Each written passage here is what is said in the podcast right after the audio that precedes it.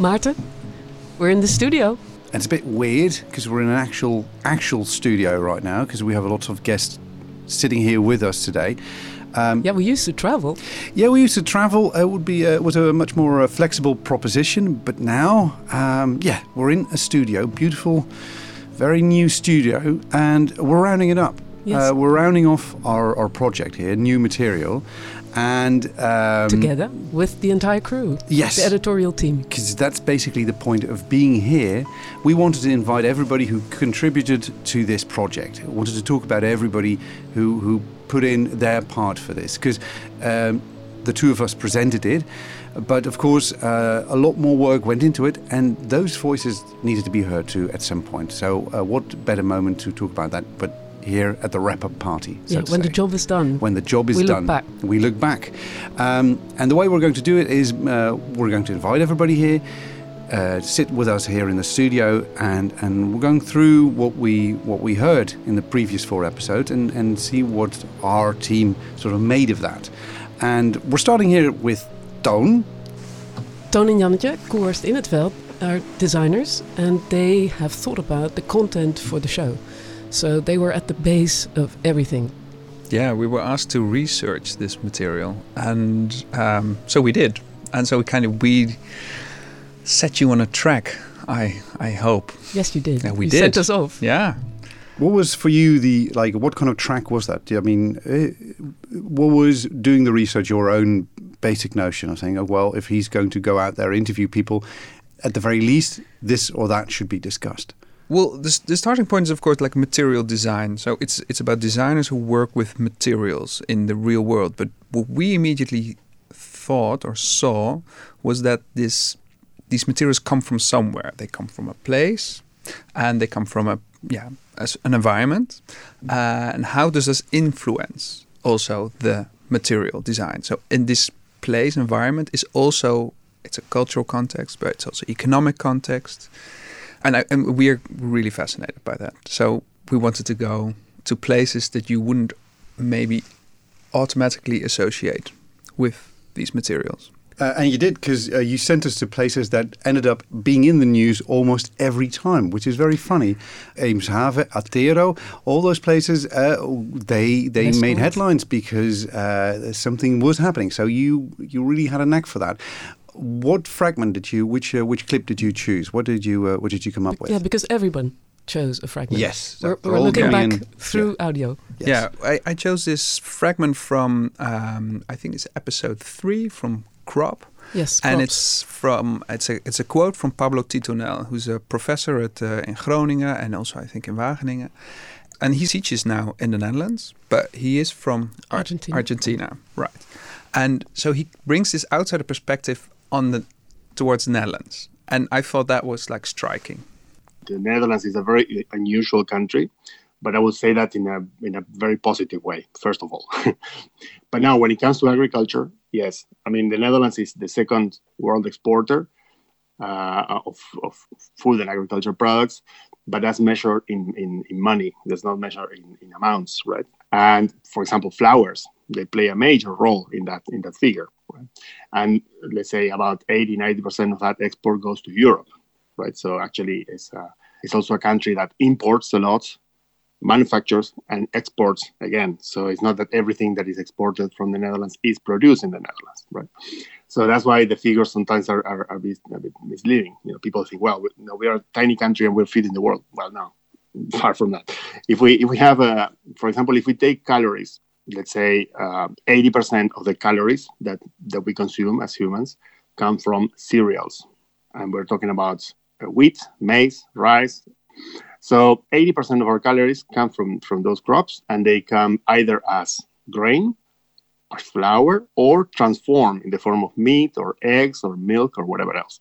Now, when we look at cereal production, the contribution of the Netherlands to global production is 0.02 yeah, this idea of this image of the Netherlands that we like we constantly hear in all political discussions, and it's, it's like this self-image of the Netherlands as being this like we feed the world, we're the second biggest agricultural exporter in the world, and I, I think Pablo Tittonell is like the first one who just says, yeah, but wait, this is value, which is also amazing. Let but for us. For, yeah, well, in a way, but it also kind of changes this discussion that you have in the Netherlands itself. That this idea of feeding the world that is this nonsense. It's may, it's flowers, milk powder. Part of this is meat, but it's also a lot of trees, very all kinds of decorative plants. Uh, it's highly innovative, but there is this thing going on in the Netherlands where I, you could almost call it's literally called the agro complex, but it's like a farming industrial complex where banks and universities and farmers are all working very closely together to create a lot of innovation, a lot of value, um, but also creates a kind of a landscape now that is actually dying. We are we don't have a, just have a, a, carbon crisis or like a CO two uh, emissions problem. We have a major nitrogen problem in the Netherlands, and this kind of creates this situation where we still think, oh no, farmers they're really good. They create food for all of us. I think, yeah, well, no, it's just it's industrial. It's industrial scale. Doing this project, talking about these things, has that changed your thoughts about this this subject? Has it uh, made you think differently about new material?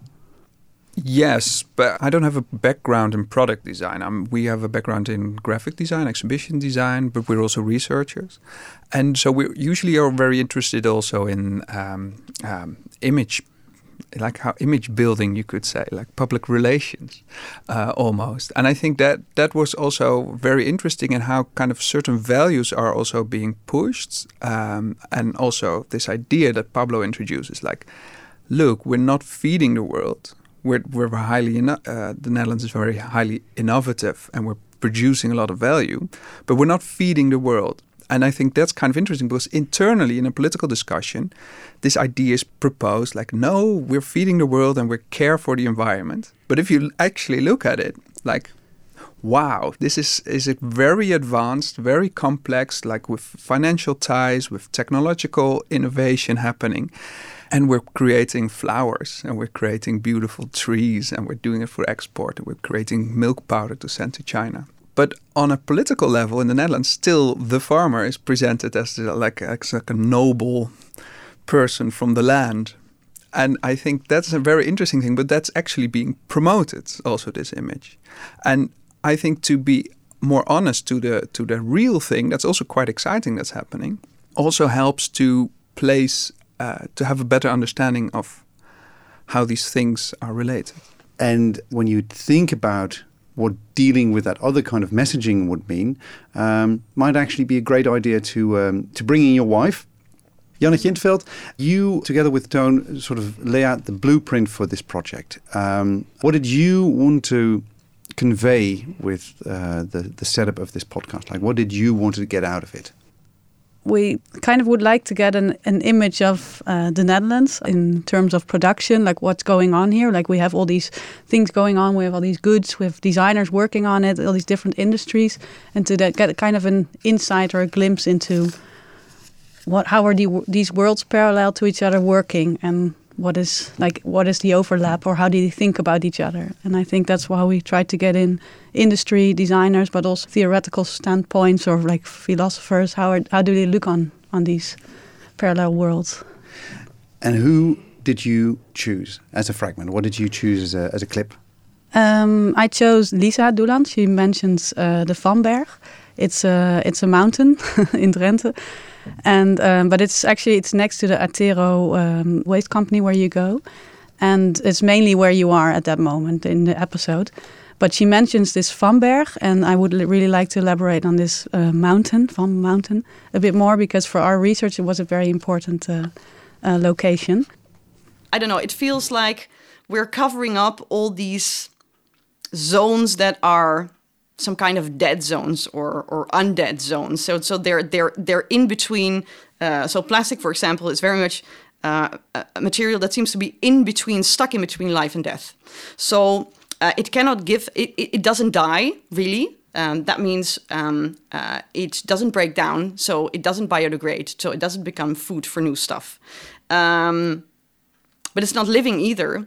Um, so it's, it's it's stuck in between, and I feel that we are mm, putting more and more of these undead zones in the world, and I think it's important to keep to keep I don't know to keep that in sight, to not uh, try and make them all unproblematic, just nice hills. What do you care?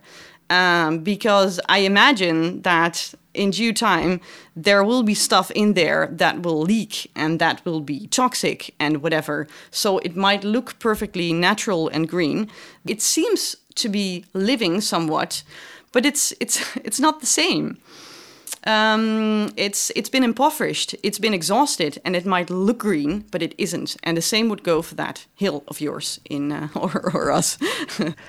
what I find very interesting is that she says it's like these dead zones. They're not living, they're not dead either. And well, we visited this mountain because as normal persons, you can't like you can, you can visit the mountain, you can't visit Attero. Um, then you really need to make, to make an appointment. It's difficult, but the, the hill is next to it. And on top of the hill, you also have a view onto Attero. And, um, well, the moment you park the car downstairs on the hill, down the hill there's a the pancake restaurant and it's like a recreation uh, paradise almost like you can make um, the one hike in Drenthe is on this mountain it's more than 60 meters high and the moment you're on top, there's, there's a little um, information center with a small exhibition. And in this exhibition, you also see a, like a cross section of the mountain, and um, and like it shows what's what's inside of this mountain. And um, I find that very interesting. The moment was Lisa also says, it's not dead, it's not living either it's true, but it's like um, this mountain contains a lot of layers of old waste. All the waste that came from the west of the Netherlands. It's very old. It's like um, it started like hundred years old. So you could easily see the the history of waste in this mountain. Like it starts with coal remnants and then wood and plastics. There's lots of stuff in there, but a whole filtering system as well. And they show like how many uh, water daily has to be pumped out of the of the mountain in order not to flow into the groundwater. So in a way, yeah, it's it's dead, but it's also living for sure. Like you can't just leave it; it needs maintenance. It's been zombified. Yeah, exactly. I found it quite scary in a way. Like, okay, now we're building these kind of mountains, but is it? Yeah, is that really the solution? It's yeah. So that's what I felt, and at the same, what I also felt very strongly, like this idea of it's actually design in a way. It's design that's used like it's one almost the biggest example of design man a man-made object um, placed in in the landscape with covering up of something which is maybe problematic inside and just putting a layer on top of it and then it's yeah no it's good it solves problems but it's not so yeah it's yeah it looks like it is but it's not and maybe it also unfolds a whole new picture of our country mm -hmm and I think we need to embrace it. It's like Sven Stremke said, uh, hey, these, these are the new tourist locations. Yeah. Yes. Now you've you've brought him up. Um, yeah. What did you choose? Yeah, yeah. That's a very nice little segue you got there, uh, Wieneke. Um, because yes, this sort of is related to a fragment I I chose. You sent me on this job to do, and it also made me think about very differently about what Holland actually is and does. Uh, and one of the people that really brought that home was um, Professor Sven Stremke. He is an expert in energy landscapes. And I spoke to him after I went to Eemshaven, which to me was my favorite location because it's, well, I love ambient music. And if you're there, it is like mm-hmm. you're walking through an ambient album. It's quiet, there's nobody there, just these machines very quietly putting stuff out. There are no humans. And after that, I, I came back and had a talk uh, in a park in Amsterdam with Sven. And yeah, his words really um, stuck with me. I'm convinced that everybody gets the landscape they deserve. So landscapes are a consequence of our own actions, and there's some delay, of course, in there, and there's some things that are some forces that are outside of our, let's say, daily control. But we're in a democratic society. We have uh, elections, we have people that represent us, we have courts. So I think we got all the instruments in place to go for it. But it's it's not easy. It's complicated. You know, people have you know priority of needs. Uh, this this is not easy. Of course, it's it's absolutely not easy. Yeah? It's it's already you know, and one of the challenges that we're facing in terms of energy to come back to that topic is that, for instance, now we love the green heart because it's open, and it's green, but what it really is is of course a peat excavation landscape.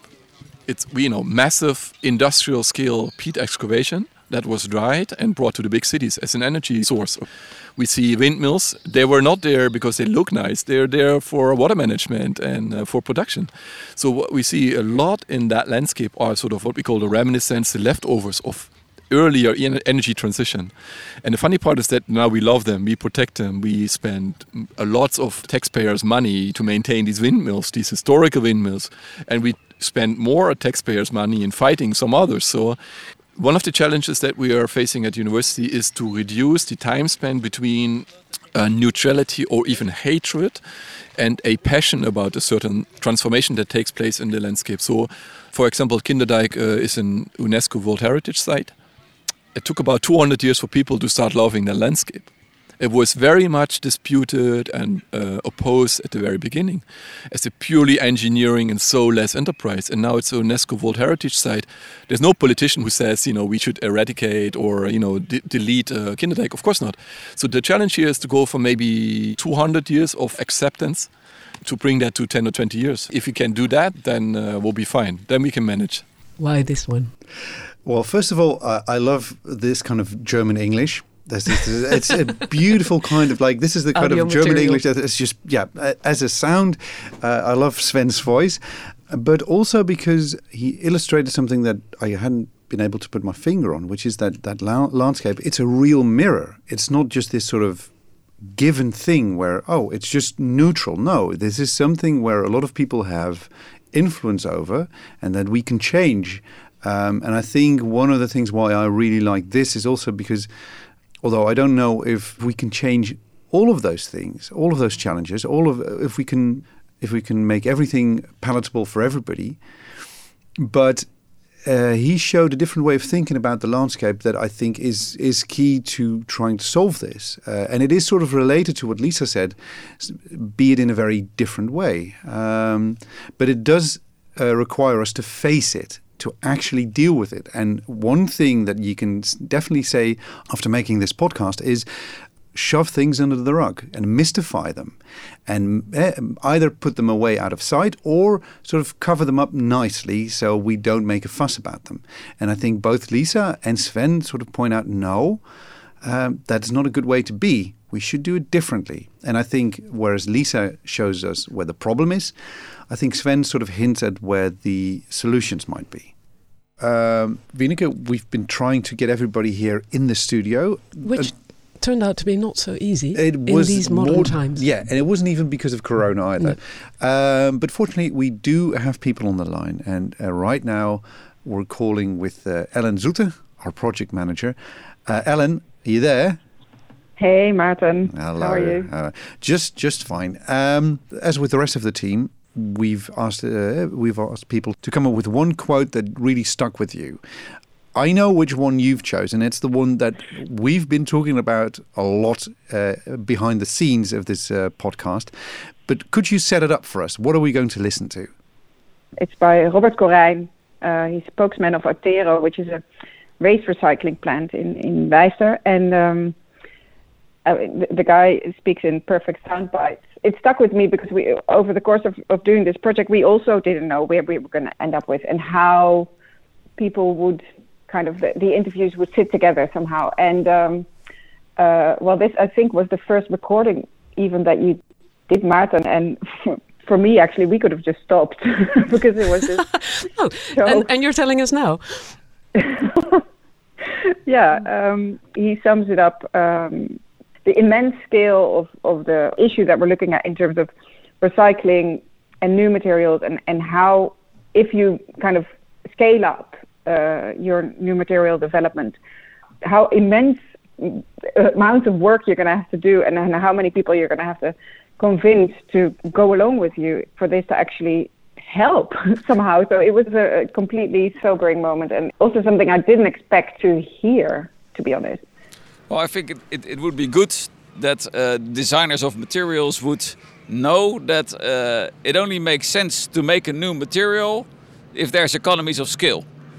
Uh, so if you imagine that this packaging sorting plant has yeah, nine material output streams, and we have a lot of investments, millions of investments, just to, to get those done. If you would add more material streams, we would not invest millions just to get one kilo of extra material out. Uh, that, that, that's very logical, it doesn't make business sense. So, if you, for example, add a packaging material, it should at least consume 10% of all packaging materials in weight, and otherwise it's not really useful. And then, of course, you could say, ah, Attero should invest and uh, make the plant change and whatever. Well, perhaps we will even do it. But then we're in a European market and try to convince whatever 100 sorting plants because you like your new material that everybody should invest millions to take it out. It's not how it works.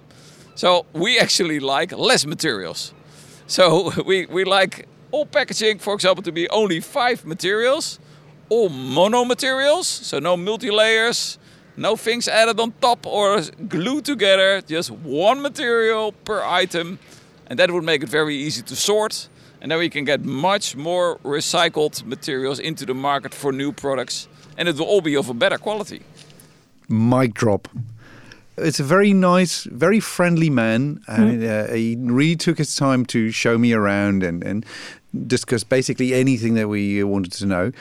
But yeah, uh, this came at the end of, of the interview and it was like this yeah bucket of ice water like yeah that's so that's what's going to happen yeah. Yeah. This little clip you really hear is the interdependence of all these kind of people working in the material field. And um, actually he says the material that you're working with doesn't really matter as long as you make the design so much more simple. Incredible design philosophy i would say almost behind what he's explaining. And uh, uh, just hearing him explain it like this in the way he did which I like also that he sort of he almost has a chuckle in his voice when he explains like oh you know there's there he is the designer thinking of something nice. Well mm. and uh, I think had I studied material design this is probably something I really would would have wanted to know. Is this something that students in material design do they get faced with the Robert Corijns of the world uh, when they're studying these things? Well that's a very good question. I would actually think that I mean, material design is not being taught anywhere really as a single profession. It's a, it's a few designers who, who, yeah, have a vocation maybe.